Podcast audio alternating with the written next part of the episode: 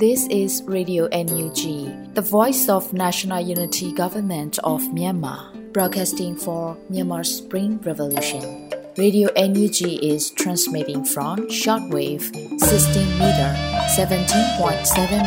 MHz at 8:30 a.m. and 25 meter 11.94 MHz at 8:30 p.m. Myanmar Standard Time. မင်္ဂလာပါရှင်။ မြို့သားညီညွတ်ရေးအစိုးရရဲ့အတန်လွင့်ဌာန Radio NUG ကိုမနက်ပိုင်း၈နာရီခွဲမှာလိုင်းတူ16မီတာ19.89 MHz ၊ညပိုင်း၈နာရီခွဲမှာလိုင်းတူ25မီတာ17.6 MHz တို့မှာဓာတ်ရိုက်ဖမ်းယူနားဆင်နိုင်ပါတယ်ရှင်။မင်္ဂလာအပေါင်းနဲ့ပြည့်စုံကြပါစေ။အခုချိန်ကစပြီး Radio NUG အစီအစဉ်လေးကိုဓာတ်ရိုက်အတန်လွှင့်ပေးနေပါပြီရှင်။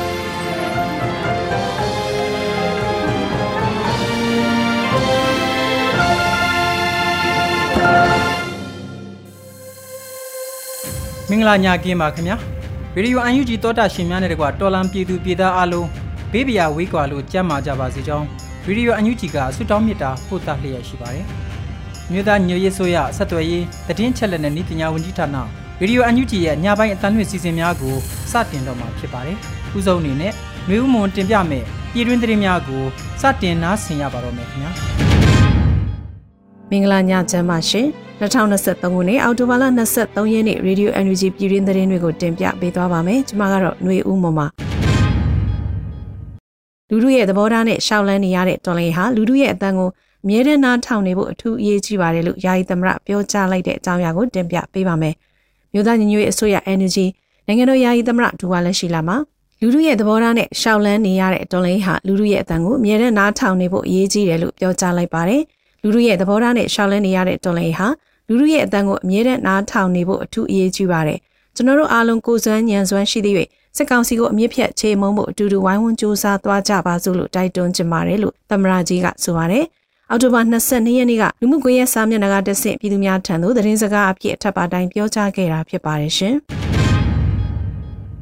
ပကွေးတိုင်းတွင်စူပွဲလေးကျင့်လက်နက်တပ်ဆင်မှုတင်တဲ့အပတ်စဉ်ခုနှစ်တင်နန်းဆင်ပွဲပြုလုပ်တဲ့သတင်းကိုလည်းတင်ပြပေးကြပါမယ်။ မြို့သားညီညွတ်အစိုးရကာကွယ်ဝန်ကြီးဌာနပြည်သူ့ကာကွယ်ရေးတပ်မတော် PDF မှတ်တစ်စစ်ဒေသမကွေးတိုင်းကိုကဲရုံကဦးစီးပြုလုပ်တဲ့စုဖွဲ့လေးကျလက်နက်တပ်ဆင်မှုတင်တဲ့အပတ်စဉ်ခုနှစ်တင်နန်းစင်ပွဲခမ်းနားကိုမကွေးတိုင်းတွင်းရှိစိုးမိုးနယ်မြေတနေရာမှာကျင်းပပြုလုပ်ခဲ့တယ်လို့ကာကွယ်ဝန်ကြီးဌာနကသတင်းထုတ်ပြန်ထားပါတယ်။အောက်တိုဘာ19ရက်နေ့ကကျင်းပပြုလုပ်ခဲ့တဲ့ဆိုပါခမ်းနားကိုပြည်သူ့ကာကွယ်ရေးတပ်မတော် PDF မကွေးတိုင်းတာဝန်ခံ KIA တော့တာဝန်ခံများတရင်မှုဒုတရင်မှုများတက်ရောက်ခဲ့ကြပါတယ်။ ခမ်းနားမှာပြည်သူ့ကာကွယ်ရေးတပ်မတော် PDF အလံအားအလေးပြုခြင်းကြာဆုံးရဲပေါ်များအားတရိယာအောက်မေ့ငြိမ်သက်ခြင်းမင်းကွန်းပြောကြားခြင်း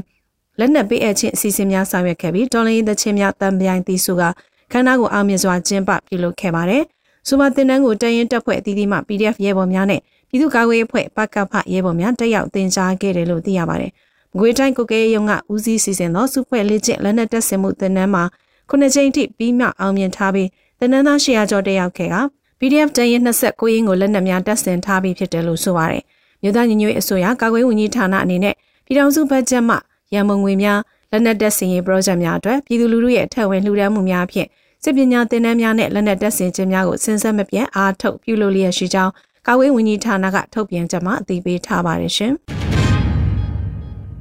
မော်ဘီလေးတဲ့စကန်ကိုတိုက်ခိုက်မှုထိခိုက်ဆုံးရှုံးမှုများနိုင်ဟု USO ထုတ်ပြန်တဲ့သတင်းကိုဆက်လက်တင်ပြပေးပါမယ်။ ရန်ကုန်တိုင်းမော်ဘီမြို့နယ်မှာရှိတဲ့မော်ဘီလေးတဲ့စကန်ကိုစစ်စင်ရေးမဟာမိတ်ဖွဲ့တွေတရားခုံမမ short တိုက်ထုံးနဲ့ပြစ်ခတ်တိုက်ခိုက်ခဲ့တာမှာထိခိုက်ပျက်စီးမှုများနိုင်တယ်လို့ Urban Special Operation USO ကဒီနေ့မနက်ပိုင်းမှာထုတ်ပြန်လိုက်ပါတယ်။ Mobile Leaders ခန်းတွင်လေရင်စီလေရင်ပြုတ်ရန်ပစ္စည်းများရခင်ကပြောင်းရွှေ့ရန်နာထားတဲ့လေရင်တွေဒီလေတဲ့စခန်းမှာပြန်လည်ရန်နာထားတယ်လို့သိရတဲ့အတွက်ရှော့လိုက်တုံးနဲ့ပြစ်ခတ်တိုက်ခိုက်ခဲ့တာလို့သိရပါတယ်။အော်တိုဘာလ22ရက်နေ့ည9:00နာရီချိန်မှာစစ်စင်ရေးအောက်မဟာမိတ်အဖွဲ့က တရားခွန်မမ9လုံးနဲ့ပြစ်ခတ်တိုက်ခိုက်ခဲ့တာဖြစ်ပြီးဟန်ဂါတစ်ခုကိုထိမှန်ပောက်ကွဲခဲ့တာကြောင့်ထိခိုက်ပျက်စီးမှုများနိုင်တယ်လို့ဆိုပါတယ်။မော်ဘီလေးတဲ့စကန်တွင်းပောက်ကွဲတဲ့များဆက်တိုက်ထွက်ပေါ်လာပြီးချိန်မှာဂျမတ်စကောင်စီဘက်ကရဟတ်ရင်တွေဟာမော်ဘီမင်္ဂလာတုံးလဲကူးမြို့နယ်တဝိုက်အနေပြန်တမ်းပြီးစီးရဲရှာဖွေမှုတွေလုပ်ခဲ့တယ်လို့မြေပြင်တပ်တွေကလည်းရန်ကုန်မြို့ဝင်ထက်နေရာတွေမှာစစ်ဆေးမှုတွေတင်းတင်းကြပ်ကြပ်လှုံ့ဆော်ခဲ့တယ်လို့လည်းဒေသခံပြည်သူတွေစီကသိရပါတယ်။ခုလိုတိုက်ခိုက်ခဲ့တာဟာ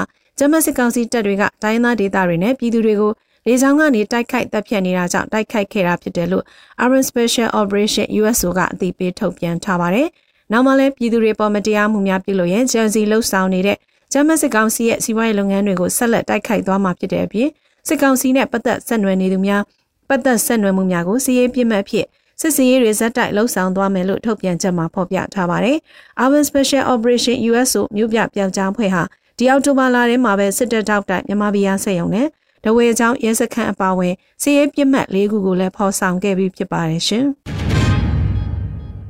ကိုရုံမှတွင်ပြည်သူများကိုဖမ်းဆီးခေါ်ဆောင်လာသောစစ်ကောင်စီတိုက်ကိုတိုက်ခိုက်တဲ့တဲ့ရင်ကိုလည်းတင်ပြပေးပါမယ်။ပဲခူးတိုင်းမင်းလာမြို့နယ်ပိုင်းပဲခူးရုံမှထဲမှာရှိတဲ့ဧက200ကျွန်းဆိုင်ကဲနေရသား6ဦးကိုဖမ်းဆီးခေါ်ဆောင်လာတဲ့စစ်ကောင်စီတပ်ဝဲကိုပြည်သူ့ကာကွယ်ရေးဖွဲ့ကကြားပြတ်တိုက်ခိုက်ခဲ့တယ်လို့သိရပါတယ်။ရသားပြည်သူ6ဦးကိုကျိုးတုပ်ဖမ်းဆီးခေါ်ဆောင်လာတဲ့အင်အား20ခန့်ရှိတဲ့ဂျမတ်စစ်ကောင်စီတပ်ဖွဲ့ကို တာယာရီခရိုင်တရင်3839နှစ်တက်ခွဲ9ကရဲဘော်တွေအော်တိုဘာလ22ရက်နေ့မနက်ပိုင်းမှာကြားပြတ်တိုက်ခိုက်ခဲ့တာလို့ဆိုပါတယ်။ဒီတိုက်ခိုက်မှုမှာဂျမတ်စစ်ကောင်စီဘက်ကတအူပြင်းထန်တန်ရရသွားပြီးပြည်သူ့ကာကွယ်ရေးရဲဘော်တွေအထိကမရှိခဲ့ဘူးလို့တာယာရီခရိုင်တရင်3839နှစ်တက်ခွဲ9ကအသိပေးထားပါတယ်။ခုလိုကြားပြတိုက်ခိုက်ခံလိုက်ရတဲ့ကျမ်းပတ်စစ်ကောင်စီတပ်ဖွဲ့ဟာပဲခူးရမတွင်းဆက်မသွားတော့ပဲဒဏ်ရာရသွားတဲ့စစ်သားကိုတည်ပြီးတပ်ပြန်ဆုတ်သွားတယ်လို့သိရပါတယ်ရှင်။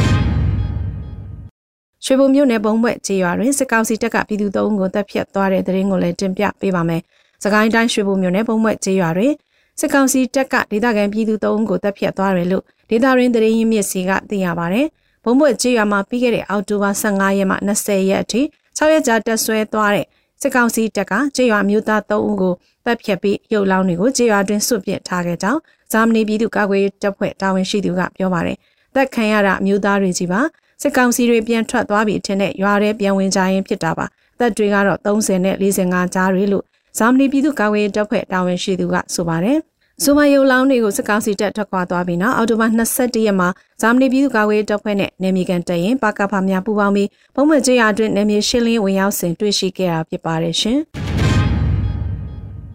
ဒဝဲအထူးစီးပွားရေးဇုံဤမူဒူရွာကနေအိမ်18လုံးထပ်မံကိုစစ်ကောင်စီတပ်ကမီးရှို့ဖျက်ဆီးတဲ့တရင်ကိုလည်းတင်ပြပေးပါမယ်။တနင်္လာရီတိုင်းရေပြည်မြို့နယ်အနောက်ဘက်ခြမ်းဒဝဲအထူးစီးပွားရေးဇုံဤတဝိုင်းစစ်ကြောင်းထုံနေတဲ့စစ်ကောင်စီတပ်ကကုလ20ရက်မနက်ပိုင်းမှာမူဒူရွာကနေအိမ်18လုံးထပ်မံကိုမီးရှို့ဖျက်ဆီးသွားတယ်လို့ဒေသခံတွေထံကနေသိရပါဗျ။အင်အားတရာထပ်မံရှိတဲ့စစ်ကောင်စီတပ်ဖွဲ့ဝင်တွေဟာ မူဒူရွာပါဝင်ဒဝဲအထူးစီးပွားရေးဇုံအနီးရှိကျေးရွာတရက်ကိုခုလ19ရက်မနက်ပိုင်းကလေးကစစ်ကြောင်း3ကြောင်းနဲ့ဝင်ရောက်လာခဲ့တာလို့မူရရွာကန်တူကဆိုပါတယ်။အော်တိုဝါ22ရက်နေ့လယ်ပိုင်းမှာတော့အဲဒီစစ်ကောင်စီတပ်ဖွဲ့ဝင်တွေဟာမူရရွာနဲ့10မိုင်ကအကွာဘဝချင်းရွာဘက်ကိုရောက်ရှိနေပြီးဒေသခံအမျိုးသား9ဦးခန့်ကိုလည်းဖမ်းဆီးထားတယ်လို့ဆိုပါတယ်။ဒေသခံတွေကတော့အဲဒီနီနာတုံးကပြည်သူ့ကာကွယ်တပ်ဖွဲ့တွေရှိတယ်လို့စစ်ကောင်စီတပ်ကယူဆတာကြောင့်နေမြေရှင်းလင်းလုပ်တဲ့အနေနဲ့ခုလိုစစ်ကြောင်းထိုးတာဖြစ်နိုင်တယ်လို့ပြောကြပါတယ်။ လက်ရှိမှာတော့တဝက်အထူးစီးပွားရေးဆိုအနီးတဝက်ရွာတွေဖြစ်တဲ့မူဒူထွက်ဝဘဝပရဒက်ဧကနိခမောင်းချောင်းရွာတွေပါဝင်အနီးနားရွာတွေကဒေသခံထောင်ချီဘေးလွတ်ရာ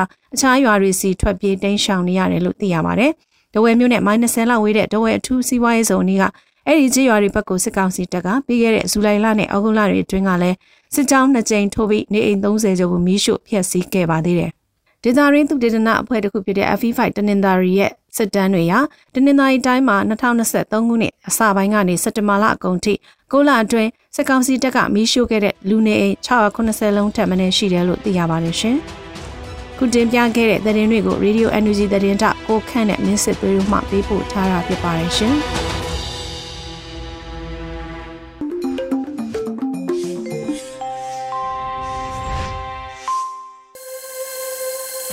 ပြည်တွင်းသတင်းများကိုနှွေဦးမွန်ကဖတ်ကြားတင်ပြခဲ့တာဖြစ်ပါတယ်။အခုတခါ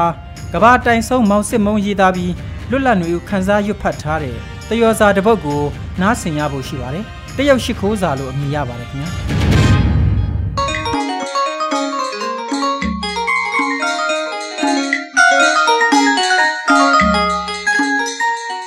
။တရုတ်ရှိခိုးစာ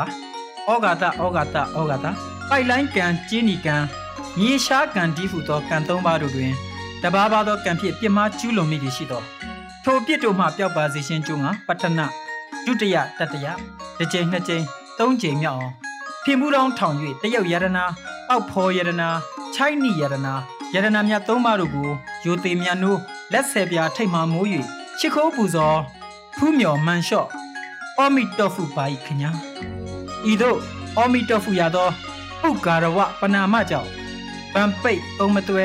လုပ်ငန်းသိမ်းစန်ရှင်တီးဟူသောအပယ်လေးပါလေရင်စီလက်နဲ့ဒေါ်လာကြီးဟုသောကတ်၃ပါးပြည်သူမုံအာဆီယံအမြင့်ကပ် EU လက်မခံအင်္ဂလန်ပဲအန်ကယ်ဆန်နို UN ပလစ်ဘင်းစတက်ဆိုင်ငံ ICJ ဝဲကန်တီဟုသောရပ်ပစ်ရှိပါ CDM BC နှုတ်ကြည်ထောက်ဖို့ပီတက်ဒီဟုသောရန်သူမျိုး၅ပါးပြည်သူရင်ခွင်ဖရဲသည့်လို့ စစ်ရေးဘတ်ဂျက်ကစ်ဆေးချဖွန်ကြောင်မတိုက်ပေါင်ကြီးဟုသောဝိပတ်တီတရားလေးပါအုတ်ချုပ်ရေးပြက်စီးပွားပြက်မီးပြက်စိတ်ပြက်ယုံကြည်မှုပြက်ဒီဟုသောပြဿနာတရား၅ပါးစိတ်နာကိုနာတတ်နာစခန်းနာချီမြန်နာချီနှေးနာမြေနာလေနာရေနာပူနာတတ်သားနာတက်မနာစစ်တိုင်းနာဘူကျုံနာဘူပြုတ်နာအုတ်ကြီးနာဒလန်နာရဲနာရဲမယားနာရဲသားနာ ရဲသမီးနာရဲမီးနာရဲမြင့်နာခွေးနာကန်နာညံနာမန်နာစီးပွားနာကြီးပွားနာမယားနာသားနာသမီးနာမီးနာမြင့်နာဖင်နာရင်နာကွင်နာလင်နာလင်ကြီးနာလင်ငယ်နာအိမ်နာကြောင်းနာကားနာဖျားနာဖုန်ကြီးနာမဲတီနာကြန့်နာဥပိုင်နာသားပိုင်နာသမီးပိုင်နာအတော်ပိုင်နာတူပိုင်နာတူမပိုင်နာတပြည့်ပိုင်နာဆရာပိုင်နာအမျိုးပိုင်နာ ကိုပိုင်နာအဖေပိုင်နာအမေပိုင်နာပထွေးပိုင်နာမယားငယ်ပိုင်နာလင်းငယ်ပိုင်နာပင်စင်နာမြင်နာကြားနာစားနာသွားနာလာနာပြန်နာဒီဟုသော အနာမျိုး66ပါးတို့မှမတာခတ်သိမ်းကိလွတ်ငိမ့်သည်ဖြစ်၍ထောင်တရားကျွန်းတရားကျိုးစဉ်တရားတော်မြတ်ကိုလျင်မြန်စွာရလွယ်ရောက်လွယ်မျက်မှောက်ပြုလွယ်သည့်ကို ဖြစ်ရပါလို၏အရှင်ချိုင်းနာ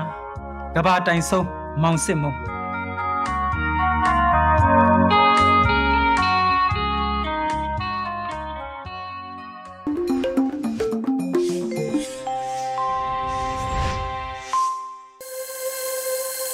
ရေဒီယိုအန်ယူဂျီမှာဆက်လက်တန်လှည့်လျက်ရှိပါတယ်။အခုတခါရက်တရပတ်မိုးလေဝသအခြေအနေများကိုຫນွေဦးနိုင်ကဖတ်ကြားတင်ပြမှာဖြစ်ပါတယ်ခင်ဗျာ။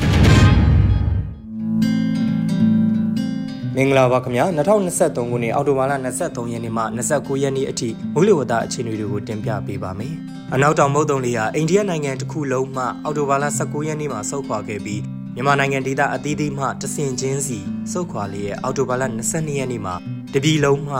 မုတ်တုံလေးဆုတ်ခွာခဲ့ပြီးဖြစ်ပါတယ်။မုတ်တုံလေးဆုတ်ခွာခဲ့ပြီးပေမဲ့လည်းအခုတစ်ပတ်မှာလေပြင်းနဲ့ရဲဝန်းလေးမှတဆင်အားကောင်းတဲ့မုန်တိုင်းငယ်အဆင့်အထိဖြစ်လာနိုင်ပြီးဘင်္ဂလားဒေ့ရှ်နိုင်ငံသို့ဝင်ရောက်နိုင်တဲ့အတွက်ကြောင့်အဆိုပါမုန်တိုင်းငယ်လေးရဲ့အရှိန်ကြောင့်မြန်မာနိုင်ငံအောက်ပိုင်းအလဲပိုင်းနဲ့အရှေ့ပိုင်းဒေသများမှာမိုးအသင်တင့်ရွာနိုင်ပေမဲ့လည်းရေကြီးရေရှမ်းနိုင်လောက်တဲ့ပမာဏအထိမိုးမများနိုင်တော့ပါဘူး။ ထူးခြားချက်မှာအခုလာမယ့်ရက်သက်တစ်ပတ်အတွင်းနှွေမုတ်တုံမှစောင်းမုတ်တုံအရှိမြောက်မုတ်တုံရာသီသို့စတင်ကူးပြောင်းမဲ့အသွင်ကူးပြောင်းကာလဖြစ်လာတဲ့အတွက်ကြောင့်မြန်မာနိုင်ငံမြောက်ပိုင်းမှာစတင်ကမြောက်အရှိမြောက်ဘက်မှလေအေးများစတင်ဝင်ရောက်လာနိုင်ပါတယ်။စောင်းမုတ်တုံရဲ့ထင်ရှားတဲ့လက္ခဏာများကိုလာမယ့်နိုဝင်ဘာလလယ်ဝန်းကျင်မှာပုံမူတည်တာလာနိုင်မှာဖြစ်ပါတယ်။စောင်းမုတ်တုံကာလကိုနိုဝင်ဘာလမှဖေဖော်ဝါရီလကုန်အထိသတ်မှတ်ထားပါတယ်။ အနောက်တောင်မုတ်တုံဒီစောက်ခွာမှုလက်ရှိအခြေအနေနဲ့နေ့အလိုက်တပတ်စာမိုးလေဝသအခြေအနေများကိုလည်းဆက်လက်တင်ပြသွားပါမယ်ခင်ဗျာ။2023ခုနှစ်အနောက်တောင်မုတ်တုံလေးစောက်ခွာမှုအခြေအနေ2023ခုနှစ်အောက်တိုဘာလ22ရက်ထုတ်ပြန်ချက်2023ခုနှစ်အတွက်အနောက်တောင်မုတ်တုံလီဆက်လက်ဆုတ်ခွာနေမှုအခြေအနေမှာအော်တိုဘာလ18ရက်18ရက်နေ့များမှာအိန္ဒိယနိုင်ငံတောင်ပိုင်းမှာဆုတ်ခွာခဲ့ပြီးဖြစ်ပါတယ်။အော်တိုဘာလ23ရက်နေ့အတွက်မိုးလေဝသခန့်မှန်းချက်ကိုတင်ပြပေးပါမယ်။ မြန်မာနိုင်ငံအထက်ပိုင်းနဲ့အလဲပိုင်းတို့မှာမြောက်အရှိမြောက်လေများတိုက်ခတ်နိုင်ပြီးတောင်ပိုင်းမှာအရှိတောင်လေများတိုက်ခတ်နေနိုင်ပါတယ်။ဘင်္ဂလားပင်လယ်အော်အခြေအနေမှာဘင်္ဂလားပင်လယ်အော်မြောက်ပိုင်းမှာတိမ်ထူထပ်နေပြီးတော့ကြံဘင်္ဂလားပင်လယ်အော်နဲ့ကပလီပင်လယ်ပြင်တို့မှာတိမ်အထင်တင့်ဖြစ်ထွန်းနိုင်ပါတယ်။အိန္ဒိယနိုင်ငံအနောက်အလဲပိုင်းပေါ်ရှိလေးပြားများဆဲဟာဆက်လက်နေရာယူထားနေပါတယ်။ ထူးခြားချက်မှာဘင်္ဂလားပင်လယ်အော်အနောက်အလဲပိုင်းမှာဖြစ်ပေါ်ခဲ့တဲ့လေးပြားနယ်ဆဲဟာအားကောင်းလာခဲ့ပြီးတော့အော်တိုဘာလ22ရက်နေ့မှာမုန်တိုင်းငယ်အဖြစ်သို့ရောက်ရှိခဲ့ပါတယ်။အဆိုပါမုန်တိုင်းငယ်ဟာဆက်လက်အားကောင်းနိုင်ပြီးမြောက်အရှိမြောက်ဘက်သို့ရွေ့ရှားနိုင်ပါတယ်။အနောက်တောင်မုတ်တုံလေးဟာအောက်တိုဘာလ22ရက်နေ့မှာတပြည်လုံးမှဆုတ်ခွာခဲ့ပြီးဖြစ်ပါတယ်။ မိုးအခြေအနေမှာမွန်ပြည်နယ်နဲ့တနင်္သာရီတိုင်းတို့မှာနေရာစိတ်စိတ်ပဲခူးတိုင်းရန်ကုန်တိုင်းအေရဝတီတိုင်းရှမ်းပြည်နယ်ကယားပြည်နယ်ကရင်ပြည်နယ်ရခိုင်ပြည်နယ်ချင်းပြည်နယ်မကွေးတိုင်းနဲ့နေပြည်တော်တို့မှာနေရာကျဲကျဲမန္တလေးတိုင်းနဲ့စကိုင်းတိုင်းအောက်ပိုင်းတို့မှာနေရာကွက်ကြားမိုးထစ်ချုံရွာနိုင်ပြီးတော့ကြံဒေသများမှာတိမ်အထင်တင်ဖြစ်ထွန်းနိုင်ပါတယ်။ရခိုင်ကမ်းရိုးတန်းဘက်မှာအရှိတောင်ဘက်မှလေဟာတနအီကို15မိုင်မှ25မိုင်ခန့် တိုက်ခတ်နိုင်ပြီးတော့လိုင်းကြီးနိုင်ပါတယ်။မော်ဒမာကွေးနဲ့တနင်္သာရီကမ်းရိုးတန်းတို့မှာတောင်အရှိတောင်ဘက်မှလေဟာတနအီ10မိုင်မှ15မိုင်ခန့်အထိတိုက်ခတ်နိုင်ပြီးလိုင်းအသင်တင်ရှိနိုင်ပါတယ်။အော်တိုဘာလ24ရက်နေ့အတွက်မိုးလေဝသခန့်မှန်းချက်ကတော့မြန်မာနိုင်ငံအထက်ပိုင်းနဲ့အလဲပိုင်းတို့မှာမြောက်အရှိမြောက်လေများတိုက်ခတ်နိုင်ပြီးတောင်ပိုင်းမှာအရှိတောင်လေများတိုက်ခတ်နေနိုင်ပါတယ်။ ဘင်္ဂလားပင်လယ်အော်အခြေအနေမှာဘင်္ဂလားပင်လယ်အော်မြောက်ပိုင်းမှာတိမ်ထူထပ်နေပြီးတော့ကြံဘင်္ဂလားပင်လယ်အော်နဲ့ကက်ပလီပင်လယ်ပြင်တို့မှာတိမ်အထင်တင်ဖြစ်ထွန်းနိုင်ပါတယ်။အိန္ဒိယနိုင်ငံအနောက်အလဲပိုင်းပေါ်ရှိလီဘီယာများဆဲဟာဆက်လက်နေရာယူထားပါတယ်။ထူးခြားချက်မှာဘင်္ဂလားပင်လယ်အော်အနောက်မြောက်ပိုင်းသို့ရောက်ရှိခဲ့တဲ့မုန်တိုင်းငယ်ဟာဆက်လက်အားကောင်းခဲ့ပြီးတော့အားကောင်းတဲ့မုန်တိုင်းငယ်အဖြစ်သို့ရောက်ရှိခဲ့ပြီးမြောက်အရှေ့မြောက်ဘက်သို့ရွေ့ရှားကနောက်36နာရီအတွင်းဘင်္ဂလားဒေ့ရှ်နိုင်ငံသို့ဝင်ရောက်နိုင်ပါတယ်။ မိုးအခြေအနေမှာမွန်ပြည်နယ်တနင်္သာရီတိုင်းပဲခူးတိုင်းရန်ကုန်တိုင်းအေရဝတီတိုင်းရှမ်းပြည်နယ်ကယားပြည်နယ်ကရင်ပြည်နယ်ရခိုင်ပြည်နယ်နဲ့ချင်းပြည်နယ်တို့မှာနေရာစိတ်စိတ်မကွေးတိုင်းနေပြည်တော်နဲ့မန္တလေးတိုင်းတို့မှာနေရာကျကျညက်ကြံတီတာများမှာနေရာကွက်ကြားမိုးထစ်ချုံရွာနိုင်ပါတယ် ရခိုင်ကမ်းရိုးတန်းဘက်မှာအရှိတောင်ဘက်မှလေဟာတနအီကို15မိုင်မှ25မိုင်ခန့်တိုက်ခတ်နိုင်ပြီးတော့နိုင်ချီနိုင်ပါတယ်။မုတ်တမကွေးနဲ့တနင်္သာရီကမ်းရိုးတန်းတို့မှာတောင်အရှိတောင်ဘက်မှလေဟာတနအီဆိုင်မိုင်မှ15မိုင်ခန့်အထိတိုက်ခတ်နိုင်ပြီးတော့လိုင်းအသင့်တင်ရှိနိုင်ပါတယ်။အော်တိုဘာလ25ရက်နေ့အတွက်မိုးလေဝသခန့်မှန်းချက်တွေကိုဆက်လက်တင်ပြပေးပါမယ်။ မြန်မာနိုင်ငံအထက်ပိုင်းနဲ့အလဲပိုင်းတို့မှာအရှိအရှိမြောက်လေများတိုက်ခတ်နိုင်ပြီးတော့တောင်ပိုင်းမှာအရှိတောင်လေများတိုက်ခတ်နေနိုင်ပါတယ်။ဘင်္ဂလားပင်လယ်အော်အခြေအနေမှာဘင်္ဂလားပင်လယ်အော်မြောက်ပိုင်းမှာတိမ်ထူထပ်နေပြီးတော့ကြံဘင်္ဂလားပင်လယ်အော်နဲ့ကပ်ပလီပင်လယ်ပြင်တို့မှာတိမ်အထင်တင်ဖြစ်ထွန်းနိုင်ပါတယ်။အိန္ဒိယနိုင်ငံအနောက်အလဲပိုင်းပေါ်ရှိလေပြားများဆေးဟာဆက်လက်နေရာယူထားပါတယ်။ထူးခြားချက်မှာဘင်္ဂလားပင်လယ်အော်မြောက်ပိုင်းရှိအားကောင်းတဲ့မုန်တိုင်းငယ်ဟာဘင်္ဂလားဒေ့ရှ်နိုင်ငံကမ်းခြေကိုစတင်ဖြတ်ကျော်စေမုန်တိုင်းငယ်အဖြစ်ပြန်လည်အာရုံလာနိုင်ပါတယ်။ မိုးချီနေမှာမွန်ပြည်နယ်တနင်္သာရီတိုင်းပဲခူးတိုင်းရန်ကုန်တိုင်းအေရဝတီတိုင်းရှမ်းပြည်နယ်ကယားပြည်နယ်ကရင်ပြည်နယ်ရခိုင်ပြည်နယ်နဲ့ချင်းပြည်နယ်တို့မှာနေရာကျကျနဲ့ကြမ်းဒေသများမှာနေရာကွက်ကြားမိုးထစ်ချုံရွာနိုင်ပါတယ်။ရခိုင်ကမ်းရိုးတန်းဘက်မှာတောင်ဘက်မှလေဟာတနအီကို15မိုင်မှ25မိုင်ခန့်တိုက်ခတ်နိုင်ပြီးတော့လှိုင်းကြီးနိုင်ပါတယ်။မော်ဒမာကွေနဲ့တင်နေသာကမ်းရိုးတန်းတို့မှာတောင်အရှိတောင်ဘက်မှလေဟာတနအီကို10မိုင်မှ15မိုင်ခန့်အထိတိုက်ခတ်နိုင်ပြီးတော့လှိုင်းအသင်တင်ရှိနိုင်ပါတယ်။ အော်တိုဘာလ26ရက်နေ့အတွက်မိုးလေဝသခန့်မှန်းချက်တွေကိုဆက်လက်တင်ပြပေးပါမယ်။မြန်မာနိုင်ငံအထက်ပိုင်းနဲ့အလဲပိုင်းတို့မှာအရှိအရှိတောင်လေများတိုက်ခတ်နိုင်ပြီးတော့တောင်ပိုင်းမှာအရှိလေများတိုက်ခတ်နေနိုင်ပါတယ်။ဘင်္ဂလားပင်လယ်အော်အခြေအနေမှာဘင်္ဂလားပင်လယ်အော်နဲ့ကပ်ပလီပင်လယ်ပြင်တို့မှာတိမ်အသင့်တင်ဖြစ်ထွန်းနိုင်ပါတယ်။အိန္ဒိယနိုင်ငံအနောက်အလဲပိုင်းပေါ်ရှိလေပြားများဆဲဟာ ဆက်လက်နေရာယူထားပါတယ်။ထူးခြားချက်မှာဘင်္ဂလားပင်လယ်အော်မြောက်ပိုင်းရှိမုန်တိုင်းငယ်ဟာဘင်္ဂလားဒေ့ရှ်နိုင်ငံကမ်းခြေကိုဖျက်ကျော်ဝင်ရောက်နိုင်ပြီးတော့နောက်ဆက်၈နာရီအတွင်းပြက်ပြက်သွားနိုင်ပါတယ်။မိုးအခြေအနေမှာမွန်ပြည်နယ်တနင်္သာရီတိုင်းရှမ်းပြည်နယ်ကယားပြည်နယ်နဲ့ကရင်ပြည်နယ်တို့မှာနေရာကျကျနဲ့ကြံဒေသများမှာနေရာကွက်ကြားမိုးထစ်ချုံရွာနိုင်ပါတယ်။ရခိုင်ကမ်းရိုးတန်းဘက်မှာအနောက်ဘက်မှလေဟာတနအီကို10မိုင်မှ15မိုင်ခန့်တိုက်ခတ်နိုင်ပြီးတော့လိုင်းကြီးနိုင်ပါတယ်။ မုတ်တမခွေနဲ့တနင်္သာရီကမ်းရိုးတန်းတို့မှာအရှိအရှိမြောက်ဘက်မှလေဟာတနအီ9မိုင်မှ10မိုင်ခန့်အထိတိုက်ခတ်နိုင်ပြီးလိုင်းအသင့်တင်ရှိနိုင်ပါတယ်။ဆက်လက်ပြီးအော်တိုဘာလ29ရက်နေ့အတွက်မိုးလေဝသခန့်မှန်းချက်တွေကိုတင်ပြပေးပါမယ်။မြန်မာနိုင်ငံအထက်ပိုင်းနဲ့အလဲပိုင်းတို့မှာ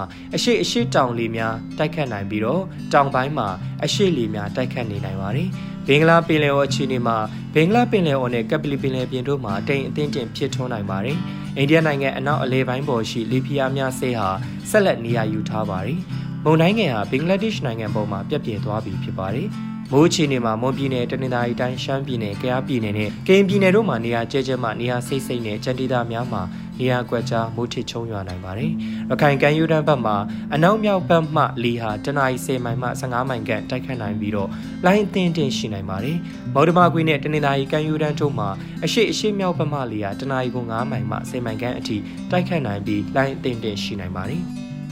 ဆက်လက်ပြီးအော်တိုဘာလ28ရက်နေ့အတွက်မိုးလေဝသခန့်မှန်းချက်တွေကိုတင်ပြပေးပါမယ်။မြန်မာနိုင်ငံအထက်ပိုင်းနဲ့အလဲပိုင်းတို့မှာအရှိအရှိမြောက်လေများတိုက်ခတ်နိုင်ပြီးတော့တောင်ပိုင်းမှာအရှိလေများတိုက်ခတ်နေနိုင်ပါတယ်။ဘင်္ဂလားပင်လယ်အော်အခြေအနေမှာဘင်္ဂလားပင်လယ်အော်နဲ့ကပ်ပလီပင်လယ်ပြင်တို့မှာတိမ်အထင်းတင်ဖြစ်ထွန်းနိုင်ပါတယ်။ အိန္ဒိယနိုင်ငံအနောက်အလဲပိုင်းပေါ်ရှိလေပြားများဆေးဟာဆက်လက်နေရာယူထားပါတယ်။မိုးအခြေအနေမှာမွန်ပြည်နယ်တနင်္သာရီတိုင်းရန်ကုန်တိုင်းပဲခူးတိုင်းရှမ်းပြည်နယ်ကယားပြည်နယ်နဲ့ကရင်ပြည်နယ်တို့မှာနေရာကျကျမှနေရာစိတ်စိတ်နဲ့ကြံဒေသများမှာနေရာကွက်ကြားမိုးထစ်ချုံရွာနိုင်ပါတယ်။ရခိုင်ကမ်းရိုးတန်းဘက်မှာအနောက်မြောက်ဘက်မှလေယာတနအီကို10မိုင်မှ15မိုင်ခန့်တိုက်ခတ်နိုင်ပြီးတော့လိုင်းတင်တင်ရှိနိုင်ပါတယ်။မော်ဒမာကွေးနဲ့တနင်္သာရီကမ်းရိုးတန်းတို့မှာအနောက်အနောက်တောင်ဘက်မှလေယာတနအီကို9မိုင်မှ10မိုင်ခန့်အထိတိုက်ခတ်နိုင်ပြီးတော့ လိုင်းအသင့်တင်ရှိနိုင်ပါတယ်။အအော်တိုဘာလ29ရက်နေ့အတွက်မိုးလေဝသခန့်မှန်းချက်တွေကိုဆက်လက်တင်ပြပေးပါမယ်။မြန်မာနိုင်ငံအထက်ပိုင်းနဲ့အလဲပိုင်းတို့မှာအရှိအရှိမြောက်လေအေးများစတင်တိုက်ခတ်လာနိုင်ပြီးတော့တောင်ပိုင်းမှာအရှိတောင်လေများတိုက်ခတ်နေနိုင်ပါတယ်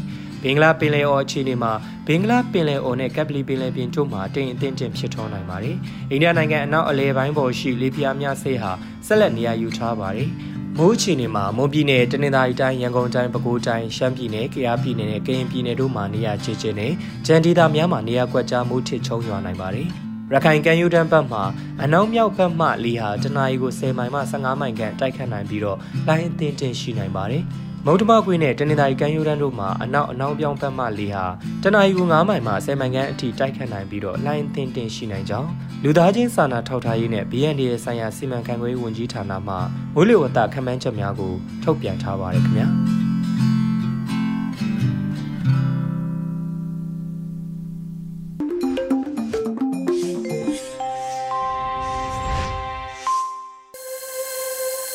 ရက်တရပမူလဝတအခြေအနေများဖြစ်ပါတယ်။ အခုအလှည့်ကျလာတဲ့တော်လိုင်းရေးတိဂီတာမှာတော့စစ်နိုင်တီဆိုထားတဲ့ပြည်သူအောင်ပွဲဆိုတဲ့တော်လိုင်းရေးတီးသချင်းကိုနားဆင်ရပါတော့မယ်ခင်ဗျာ။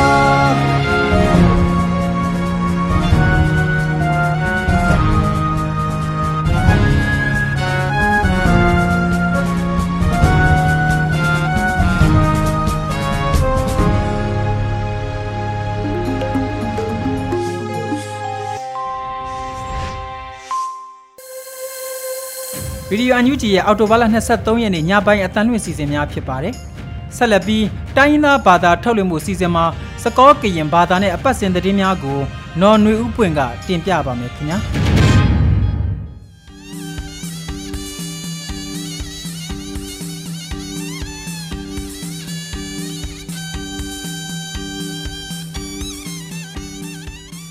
ဟာလေဝီကိုရီနော်ကတဲ့ပစကစဝတူတော့ကွဲမိပါတိလေ အန်ယူဂျီကွဲလေးလို့အတာရတာကလေတဘလညိုင်းနေလောအခဲအေဒေါ်တနွေအတော်ပူတကစောတဖာနေရာနော်နွေဥပွင့်ဤကပါဖလာနေသူနေလော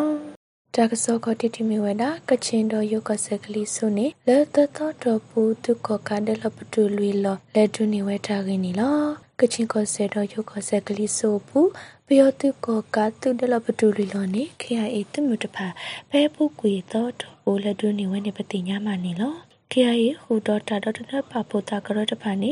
စတ်ထော်ဖဲလာထုပဒစီခေါ်တော်နီတူအတော်ခိစီနီတတော်တော်ဘူးကောဆဲကောဘယောကောဆဲတော့တကလူကချင်းကောဆဲရွှေကူမောမောကောဆာတော့ယုကောဆဲကလေးဆိုပန်ဆိုင်ကောဆာမောက်ကိုတော့ကောအပူဘယောတုကောကတဲ့လပတုတဖာနေလက်တူနေဝဲတော့ဘယောတုတခေါ်တီဝဲလအကရခခဝီမနီစီကောဝဲနာတဆုကဝဲဒူစီတဖာလေ KIA ဘတ်ထွဲထကဆောဝဲကလိုတဲဝဲတာနေလော ပါစာခိခောရဘာတာဘဒုဘတိတတိတပတဖာတတိညာလောတီလောဆေဒီဘာနီလောမေလပီယတုတလပတုတဖာတလက်တုနေယောကိုအဝဲတေတဖာနေ KIA သူဖာဒီခုသူဝဲကလိုအလော်လက်ခဝဲဒါလစုကိုဝဲဖတ်ဒိုမေကဘောယူတဖာမေကေခင်းနေပတုနေဘာတာကစောနီလောတာကစောခိယတီမီဝဲနာ Spring UAV Force G3 ကဘောယူစီဖိုလတန်လိုဘာကညောနော်အော Winter E ဒါဆတ်တော်တူတင်ညောတာရင်းနီလော ဖဲလက်ထိုဘခိစီတတော်နီ Spring UAV Force G3 နီဟေတိညာဝဒါဒီနီလောပဲတော်တူတင်ညာသူလဘဝ G3 ကရဖိုတာအတော်ဖို့လအမေဝင်းထိန်နီလောမေဝဲအတော်ဟုဒါလေခေါပလိုမြေရှာဒီတနာကေပစာထောတူအလီနီလောအခုကမ္လတုဖာစီကိုဒီတိုကဟေဟေဘာအာထောပွားတော့ဆော့ထွဲပွားအောကိုတဲဝဒနီလောစကတော့ခဲဤတာဒတော်ကရတဖာအဒွန်အတာဒူဤ ပယတုတခောခောပါဝဲနနကကလီရေပဒိုနီဘာတကစောနီလောတကစောဆုမြတွေ့မြဝဲတာနွေဦးထောက်ထောပတော်ထောစေတနေသူကကလုစေအတမ်လာစေကမအထောဝဲအောကာစီအတော်ခုခါစာထောဒုတင်ညဝဲတာကနီလောဖဲလောက်ထုဘတော်ခိစီနီနီငွေဥတာဥထပတော်တော်စေတနေတီဥကောကလုစေတမ်လာစေကမအထောဝဲအောကာစီအတော်ခုခါစာထောဒုတင်ညဝဲတာနီလော ကောပြောတီကောကလုစေတနောအလာပွဲကတစေတတောလောကောကလပလအပစတာတဖာအတစရနတောတီကောကလုစေတမ်ပလစေကမလေထောအထောဝဲဟော currency အတော်ခုခါစာထော်တူတင်ညာဝဒါနီလောဒေါကလုစေတနုအတော်လအထော်ဝဲတဖာမီဝဲတာ Australian dollar AUD Malaysian ringgit MYR British pound GBP Euro EUR Japan yen JPY Korean won KR တပုတဖာနေလောထောပလအတူဝဲတဖာအတာဟေကူအတုကစောတလဲဘောဘာကေဝဲတာဝီတရီလေပါဖကိုကကတူဝဲကနေကတိဝကစားထမဝဲအေပထုနေပါတက်စောနီလောတက်စောလကိတတမီဝဲတာလောင်းလုံးကောစာပူကမ္နတာပဆွေးပါတမဝဲတာကင်းနီလော ဖဲလောက်ထိုးပတော့ခိစီနီနီတဝဲကော်ရီဒီမိုကရေစီတာဟုတာဂေတာပဆတ်တိုကမီတီ DDMSC တော့ခိုရိုမဲတော့မဝဲဝီလောင်းလုံးကောစာပူကမ္လတာပဆွေးပါတမဝဲတာနီလောတာဟုတာဂေလေအမဝဲတခေါမီဝဲတာပယောတူထုထောဝဲတာပနီခောခါလေအမီအောင်ပါလီတီနမ်းမြိုင်ဒါဆက်ပနောကော်ဖီဂလူဂလူရွှေဖြူဒါဆက်ပနောနောမူထီတော့လေမိုတီတဖာ ရွှေမန်းသူတိုးလေရွှေမြိုင်သူတိုးလေပသိန်သူတိုးလေတန်မြန်သူတိုးလေရှမ်းမလေးတိုးလေတဖာအေးနီတိုးတော့ကမ္လတိတဖာအတူတူဝဲဝကပစဝဲဝပဖလာဝဲတော့ဘတုန်နေပါတက်စောနေလောတော်တနွေတော်ပူတက်စောလေးပါဖလာနေသေးဝိဒါဖဲနေလောဘာဒုကနာတာဖို့ကိုဒီနောရတဲ့မောတုပါမထောပုန်နေတကေ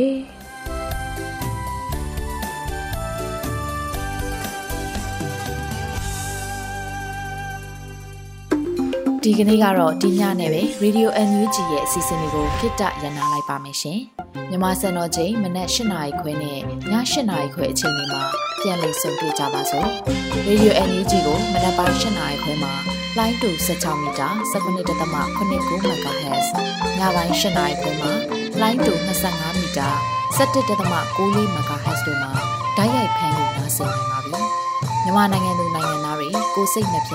ကျန်းမာချမ်းသာလို့ဘေးကင်းလုံခြုံကြပါစေလို့ Radio NUG အဖွဲ့သူဖေသားတွေကဆုတောင်းမြတ်တာပို့နေပါတယ်ရှင်။မြေသားညီမတွေအစိုးရရဲ့စက်တော်ရင်သတင်းအချက်အလက်တွေလူပညာဝန်ကြီးဌာနကထုတ်လွှင့်နေတဲ့ Radio NUG ဖြစ်ပါတယ်။ San Francisco Bay Area အခြေစိုက်မြန်မာပြည်သားစုတွေနဲ့နိုင်ငံတကာကစေတနာရှင်တို့အားပေးနေတဲ့ Radio NUG ဖြစ်ပါတယ်။အရေးတော်ပုံအောင်ရမည်